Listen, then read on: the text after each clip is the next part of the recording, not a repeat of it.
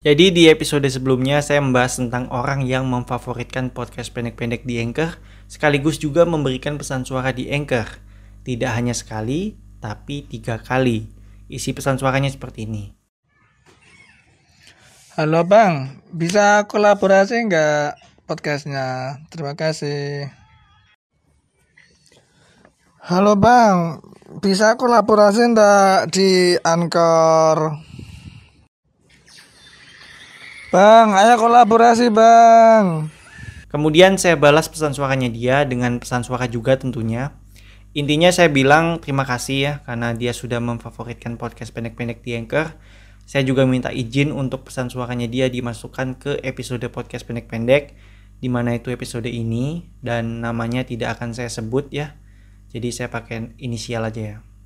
Uh, eh, MA ya, MA inisialnya. Bukan Mahkamah Agung ya, bukan juga melukismu agung ya. Kemudian saya juga bertanya nama podcastnya dia apa dan kolaborasinya nanti seperti apa supaya nanti saya punya gambaran ya. Kemudian kita berbincang-bincang lewat pesan suara. Sayangnya saya tidak bisa menayangkan pesan suaranya dia yang satu ini karena mengandung informasi yang personal dari dia ya.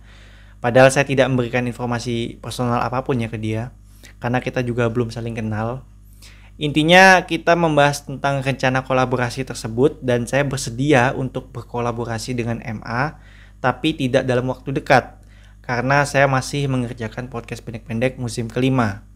Mungkin kalau podcast pendek-pendek musim kelima sudah selesai baru saya bisa berkolaborasi dengan si MA ini ya. Ya itu pun kalau dia tidak berubah pikiran.